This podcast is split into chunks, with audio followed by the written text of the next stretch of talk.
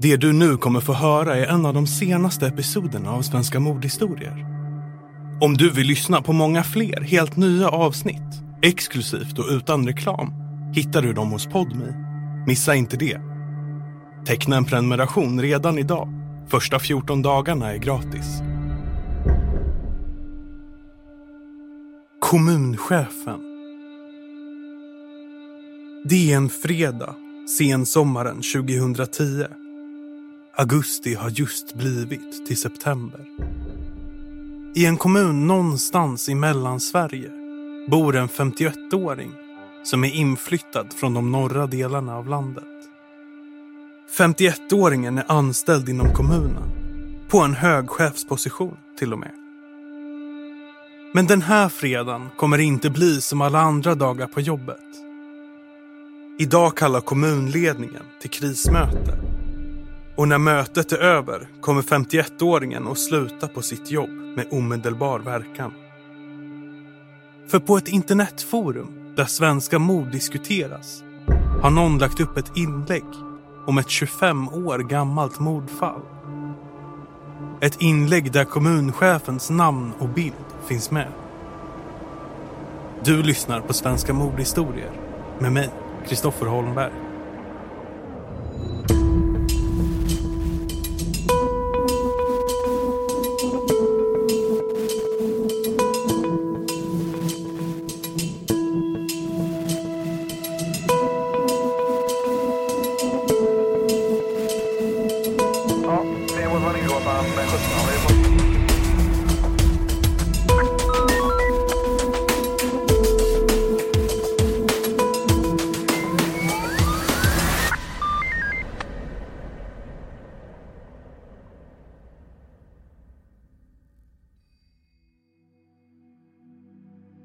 Pernilla föds i början av 60-talet och växer upp hos föräldrarna Arne och Gerd i Örnsköldsvik i Västernorrland. Hennes vänner och bekanta beskriver henne som en person med ett humör. Pernilla har en kort stubin och nära till ilska. Men är å andra sidan inte den långsinta typen, utan går snabbt vidare. Mot nya människor är hon lite avståndstagande på fotografier syns en blond ung kvinna i typiska 80-talslockar och ett stort leende.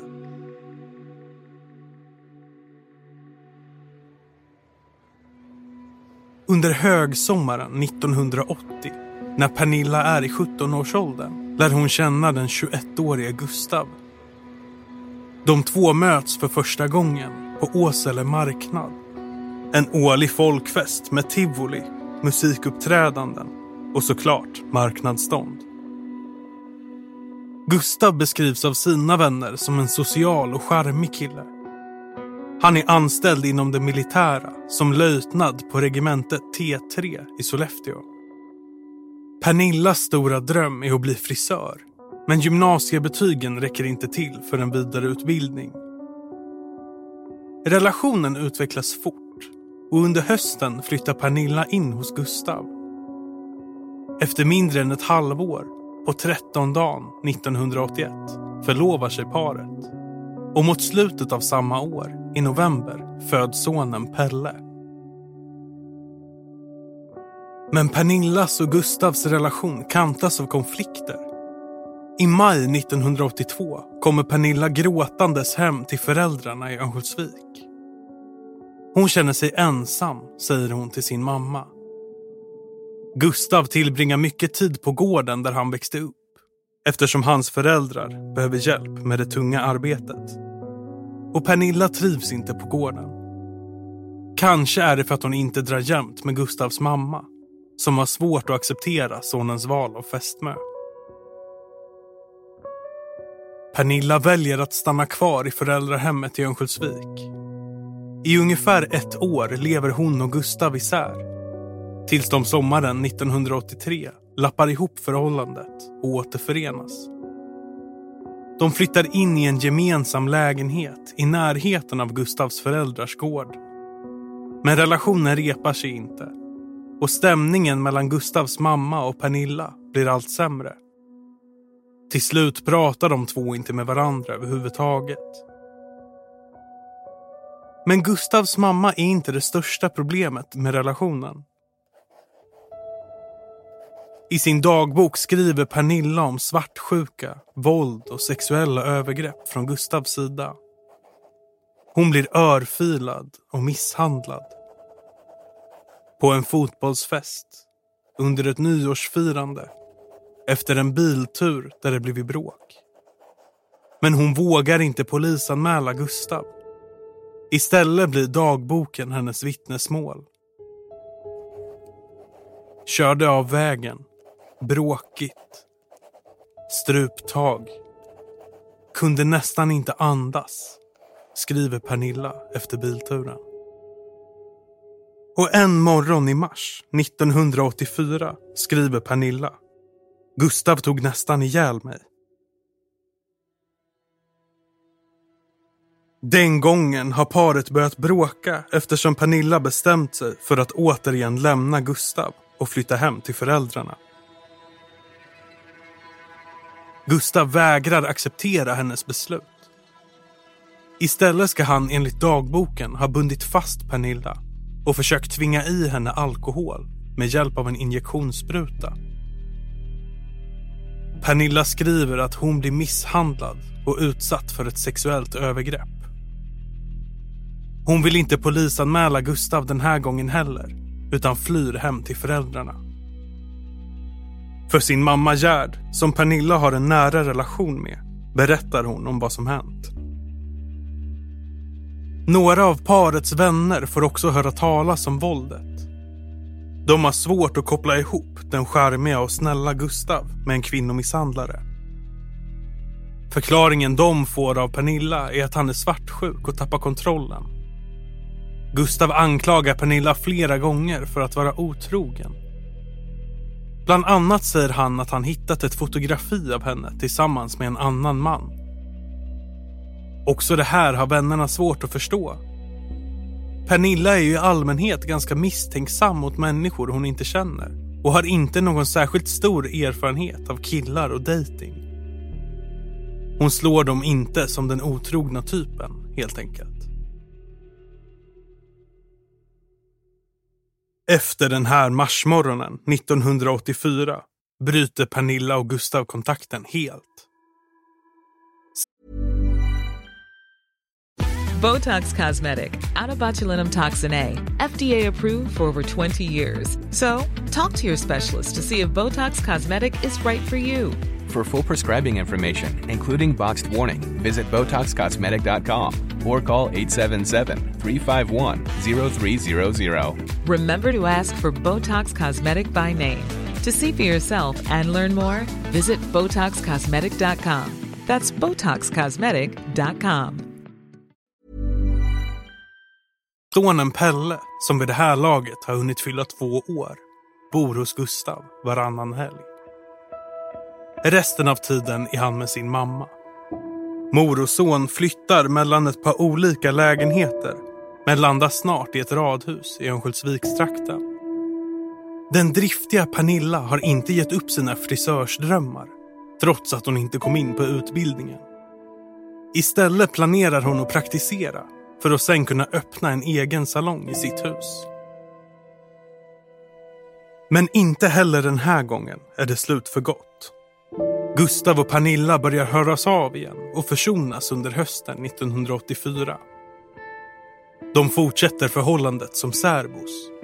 Gustav brukar komma och hälsa på i radhuset under helgerna och tillsammans går de i familjeterapi. Paret umgås med gemensamma vänner och i februari 1985 börjar de planera en semester ihop med ett annat par. Tanken är att de ska resa till Sicilien i augusti samma år.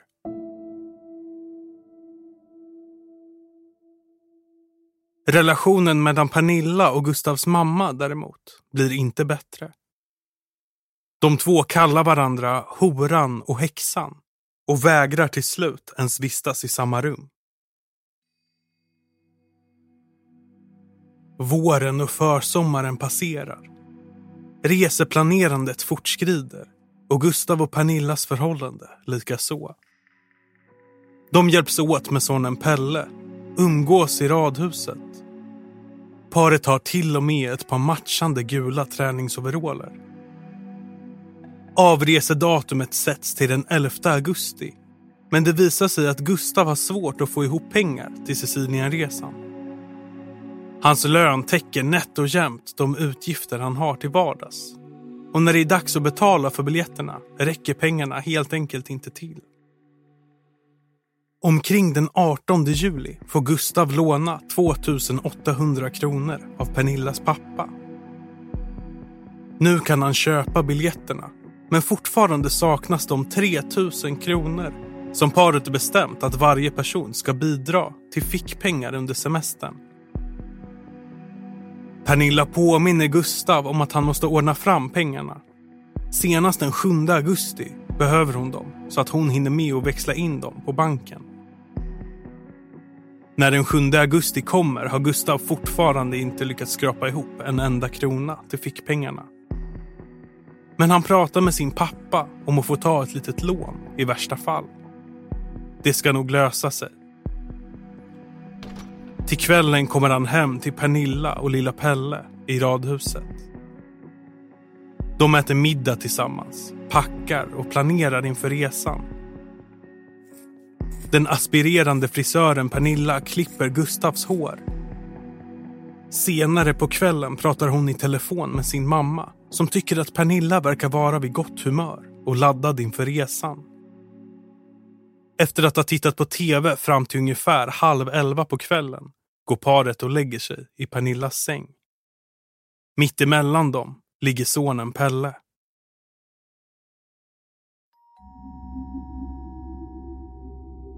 Den 8 augusti 1985, dagen därpå, väcks Pernillas föräldrar av att någon ringer på dörren.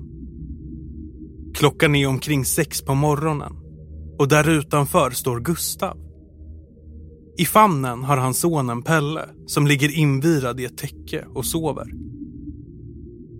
Pernilla har försvunnit, säger Gustav. Kanske har hon åkt hem till någon väninna. Nu håller han på att bli sen till jobbet på regementet så han ber svärföräldrarna att ta hand om Pelle. Ska det här helvetet börja nu igen, säger Pernillas mamma Gerd. Det är inte första gången dottern ger sig av efter ett bråk. Gerd åker till radhuset där Pernilla bor i hopp om någon ledtråd om var hon kan befinna sig. Hemmet verkar vara i sin ordning, förutom en lapp som ligger i hallen. Lappen är från Gustav, som skriver att han tagit sonen och farit till Pernillas föräldrar. Snälla Pernilla, gör aldrig så här något mer. Jag ringer ikväll. Puss och kram. Gustav, avslutar han. Konstigt nog finns Pernillas väska, plånbok och cigaretter kvar i huset. Bilnycklarna och bilen däremot är borta. Men det ska de inte vara länge till. Några timmar senare måste nämligen Pernillas mamma Gerd ge sig av för att lämna in sin egen bil på service i Örnsköldsviks hamnområde. Väl där ser hon Pernillas bil stå parkerad bara en liten bit bort. Nyckeln sitter i, men i övrigt är bilen tom. Nu bestämmer sig Gerd för att kontakta polisen. Det börjar kännas uppenbart att det är något som inte stämmer. Sökandet efter Pernilla drar igång med hög intensitet. Dykare letar i vattendrag och kring hamnen. Skallgångskedjor anordnas. Avresedatumet för Siciliensemestern kommer och går. Men Pernilla dyker inte upp. De i hennes närhet förhörs flera gånger. Däribland Gustav. I det första förhöret som görs med Gustav säger han att paret haft en trevlig kväll utan bråk. Att han vaknat på natten och hittat Pernilla rökandes i köket. Han ska sen ha gått och lagt sig igen och när han vaknade på morgonen var hon borta. Parets vänner märker att Gustav är orolig för Pernilla. Han gråter över sin försvunna fästmö och vänder sig till pressen i hopp om tips som kan leda till henne. Samtidigt, när polisen talar med vännerna, får de snart indikationer på att förhållandet var präglat av svartsjuka, misshandel och sexuellt våld. Trots att dagar och veckor går så kommer polisen inte närmre till att hitta Pernilla. Den parkerade bilen hennes mamma hittat pekar på att hon ensam åkte ut i hamnen. Kanske har hon drunknat. Polisen undersöker också möjligheten att hon skulle ha tagit sitt liv. Något som både Gustav och hennes föräldrar inte tycker verkar sannolikt. Visst kunde hon vara deppig och relationen med Gustav tyngde henne. Men att hon skulle vilja dö var otänkbart. Den sista kvällen, när mamma och dotter talat i telefon, lät hon ju dessutom både glad och förväntansfull inför semestern. I januari 1986 har Pernilla varit borta i fem månader. Normally, being a little extra might be a bit much, but not when it comes to healthcare. That's why United Healthcare's Health Protector Guard fixed indemnity insurance plans, underwritten by Golden Rule Insurance Company, supplement your primary plan so you manage out of pocket costs. Learn more at uh1.com. Say hello to a new era of mental health care. Cerebral is here to help you achieve your mental wellness goals with professional therapy and medication management support. 100% online. You'll experience the all new Cerebral Way, an innovative approach to mental wellness designed around you. You'll get a personalized treatment plan from a therapist, prescriber, or both in a safe and judgment free space. Your cerebral therapist or prescriber will outline a customized plan with clear milestones along the way so you can get to feeling your best. With Cerebral, you're not alone in your mental health journey. We're here to empower you to live a fulfilling life. So take that first step towards a brighter future and sign up today at cerebral.com slash podcast and use code ACasts to get 15% off your first month. Offer only valid on monthly plans. Other exclusions may apply. Offer ends July 31st, 2024. See site for details. Utredningen och sökandet verkar ha stannat av. Då kommer ett brev till dåvarande justitieministern Sten Wickbom. Det är Pernillas föräldrar som skrivit brevet. Tillsammans med föräldrarna till tre andra ungdomar. Vid den tiden var det nämligen fyra personer mellan 16 och 25 år från området som alla var rapporterade som saknade. Nu ber föräldrarna justitieministern om hjälp med att få fallen uppklarade. De är alla desperata för att hitta sina barn, döda eller levande. Och lokalpolisens insats har inte räckt till.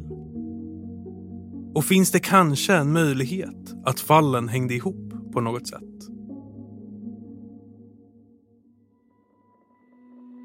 Justitieministern lyssnar till deras vädjan. Snart skickas utredare från Stockholm till Örnsköldsvik. De är skickliga och erfarna poliser. Nu får utredningen ny fart. Nya förhör hålls, både med Gustav och Pernillas vänner och familj. Vad gäller de andra försvunna ungdomarna klaras flera av fallen snart upp och man kan utesluta ett samband mellan fallen. Riksmordkommissionens utredning av Pernillas försvinnande pekar mer och mer på att Gustav är inblandad på något sätt. Och i mitten av mars anhålls han. Nu har det gått sju månader sedan Pernilla försvann. Vid det här laget har Gustav blivit förhörd ett antal gånger av såväl lokalpolisen som Rikskriminalen och alltid nekat till all inblandning i försvinnandet. Den 18 mars är det återigen dags för Gustav att bli förhörd. Men idag får han veta att poliserna har hittat någonting i hans föräldrahem. I en vedlår som funnits ute på gården, instoppad i en plastpåse, ligger en gul träningsoverall. Pernillas träningsoverall. Under utredningen har poliserna också lyckats slå fast att det är just den gula overallen hon burit den dagen hon försvann. När Gustav får höra om fyndet bryter han ihop inför Rikskriminalens poliser. Jag ska berätta allt. Jag har nog strypt henne, säger han. Och så berättar han var Pernillas kropp ligger gömd. i en gödselbrunn på föräldrarnas gård. Poliserna hittar snart kroppen som obduceras redan nästa dag. Rättsläkaren kan snart konstatera att dödsorsaken inte är strypning. Pernilla har drunknat.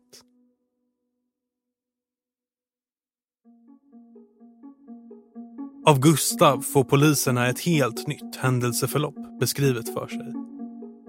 Kvällen den 7 augusti hade Pernilla mycket riktigt klippt hans hår. Och de hade tittat på tv och somnat med sonen mellan sig. Men när Gustav vaknar till på natten och går till badrummet blir Pernilla irriterad. Hon klagar på att hon inte kan sova när han väsnas. Snart somnar Gustav om, men vaknar igen av att Pernilla spolar i kranarna på toaletten. Nu är det hans tur att bli störd och snart är bråket igång. Paret skriker på varandra och sonen Pelle vaknar och börjar gråta. Allt kulminerar i att Gustav tar ett hårt grepp om Pernillas hals. Minnesbilderna är oklara, men själv säger Gustav att han aldrig känner att någon av de två är i fara. Han går för att trösta sonen som gråter i sovrummet. Och när han går tillbaka in i badrummet en stund senare hittar han Pernilla liggandes i det vattenfyllda badkaret. Hur hon hamnat där vet han inte. Men hon är död, det förstår han. Gustav försöker inte återuppliva sin flickvän. Han är säker på att allt är inbildning och provar att släcka och tända lampan om och om igen. Han tänker att när ljuset tänds kommer hon vara borta. Men Pernilla är kvar. Nu klär Gustav av någon anledning på sig Pernillas gula träningsoverall ovanpå sina egna kläder och kör hennes bil till hamnen där han lämnar den med nycklarna i. Gustav tar av sig overallen och börjar springa tillbaka mot radhuset. På vägen gömmer han overallen i en vägtrumma.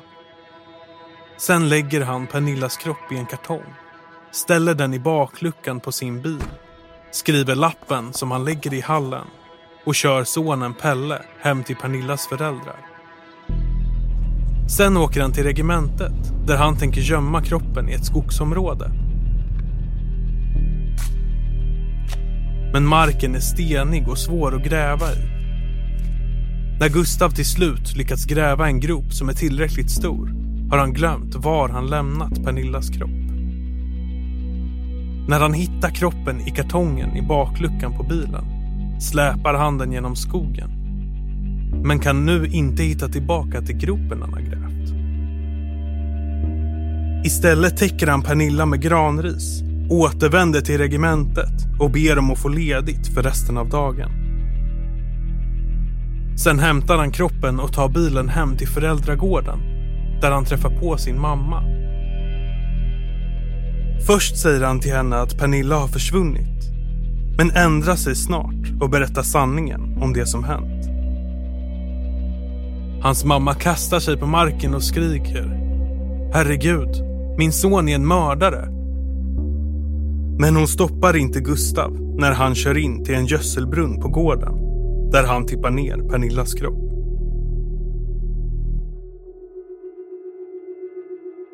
Och i sju månader får den ligga där.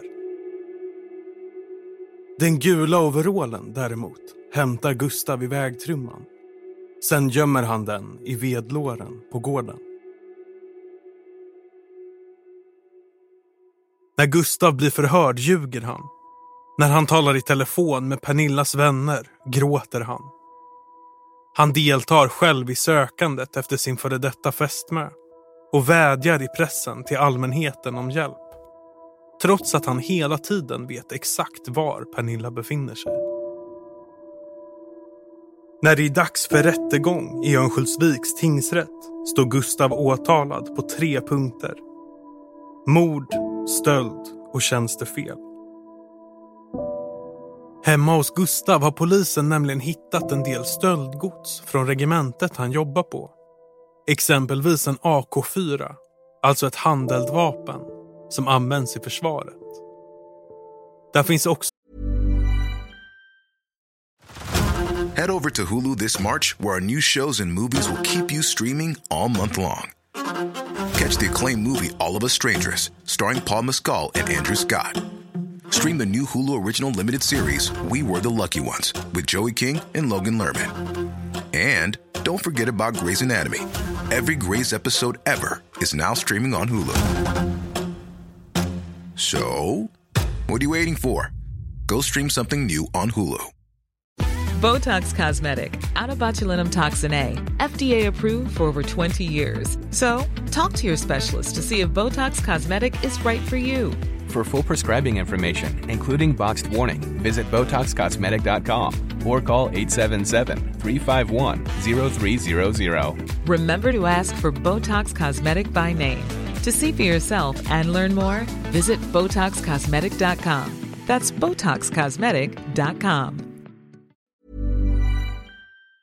då bland annat 4 kilo sprängdeg, 23 sprängpatroner och 20 meter stubin. Gustav erkänner stölderna men nekar till mord. Han står fast vid att han inte dränkt Pernilla i badkaret utan bara tagit strupgrepp. Däremot medger han till misshandel och han kan också se sig som ansvarig till vållande till annans död. Han förstår att strypgreppet mot Pernilla kan ha lett till hennes död på ett eller annat sätt. Inför rätten förklarar Gustav att han känt sig väldigt pressad under tiden han varit tillsammans med Pernilla. Hans föräldrar har behövt mycket hjälp med jordbruket, särskilt under somrarna när det var dags för höskörden. Och det är jobbigt för honom att Pernilla inte alls kommer överens med hans mamma. Konsekvensen blir att Pernilla aldrig följer med till gården utan Gustav får åka ensam med sonen Pelle. Det är Pelles enda chans att lära känna sina farföräldrar, säger Gustav. Modern är dessutom svårt sjuk i cancer och under perioden strax innan Pernillas död sitter Gustav dessutom i ekonomisk knipa. Han har inte ens råd att betala för semestern till Sicilien, fast den bara är dagar bort.